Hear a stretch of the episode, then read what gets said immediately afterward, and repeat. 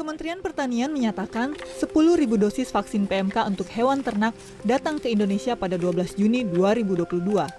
Dalam beberapa hari ke depan, 8.000 dosis tambahan akan tiba untuk disebarkan secara luas. Vaksinasi mulai dilakukan di Kabupaten Sidoarjo, Jawa Timur.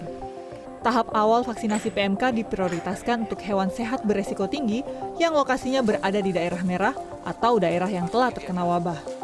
Vaksinasi dimulai pada Selasa ini di Sidoarjo. Setelah itu vaksin akan disebarkan ke hewan ternak yang berada di sumber pembibitan ternak dan diberikan ke hewan milik rakyat.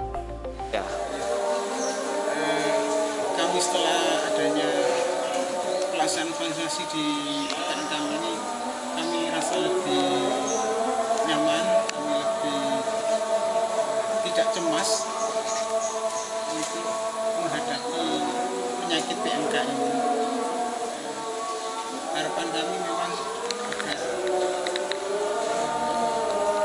peternak-peternak di Sidoarjo ini nantinya mereka akan cepat pulih lagi dengan adanya program vaksin ini khususnya. Karena dengan vaksinasi ini adalah yang saya pikir lebih efektif untuk mengendalikan penyakit PMK karena kami sudah melakukan berbagai upaya ya, sanitasi, isolasi tapi beberapa teman-teman itu masih ada yang Menurut Kementerian Pertanian, pemerintah Indonesia telah menyiapkan anggaran untuk mendatangkan 3 juta dosis vaksin darurat untuk menekan penyebaran PMK. Kementan melalui Pusat Veteriner Farma juga tengah mempersiapkan vaksin lokal yang diharapkan akan selesai akhir Agustus 2022.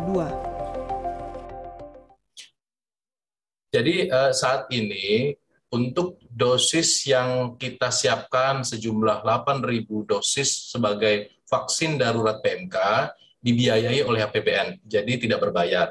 Tetapi nanti ke depan akan dibuka opsi pengadaan vaksin mandiri yang bisa dilakukan oleh swasta untuk mempercepat program vaksinasi PMK tapi perlu kita catat di sini bahwa pengadaan penggunaan vaksin tersebut harus direkomendasikan oleh Komisi Obat Hewan. Agenda SOS, kemudian temporary dan permanen, dan vaksinasi merupakan agenda permanen untuk menjaga hewan ternak kita tidak tertular PMK.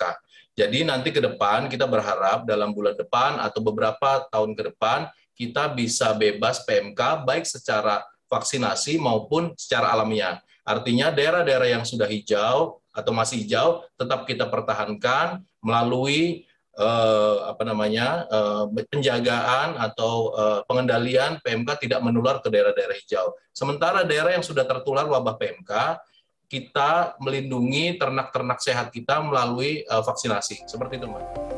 Menurut data Kementerian Pertanian, per 14 Juni 2022, sebanyak 152 ribu ternak sapi telah tertular PMK dengan peta sebaran di 18 provinsi dan 180 kabupaten kota. Dari total ternak yang telah terjangkit PMK, 40.860 di antaranya telah sembuh. Kementerian Pertanian optimis vaksin menjadi langkah yang efektif untuk menghentikan penyebaran dalam waktu dekat. Karmer Mursalim, Fardanto Bimantoro, Jakarta.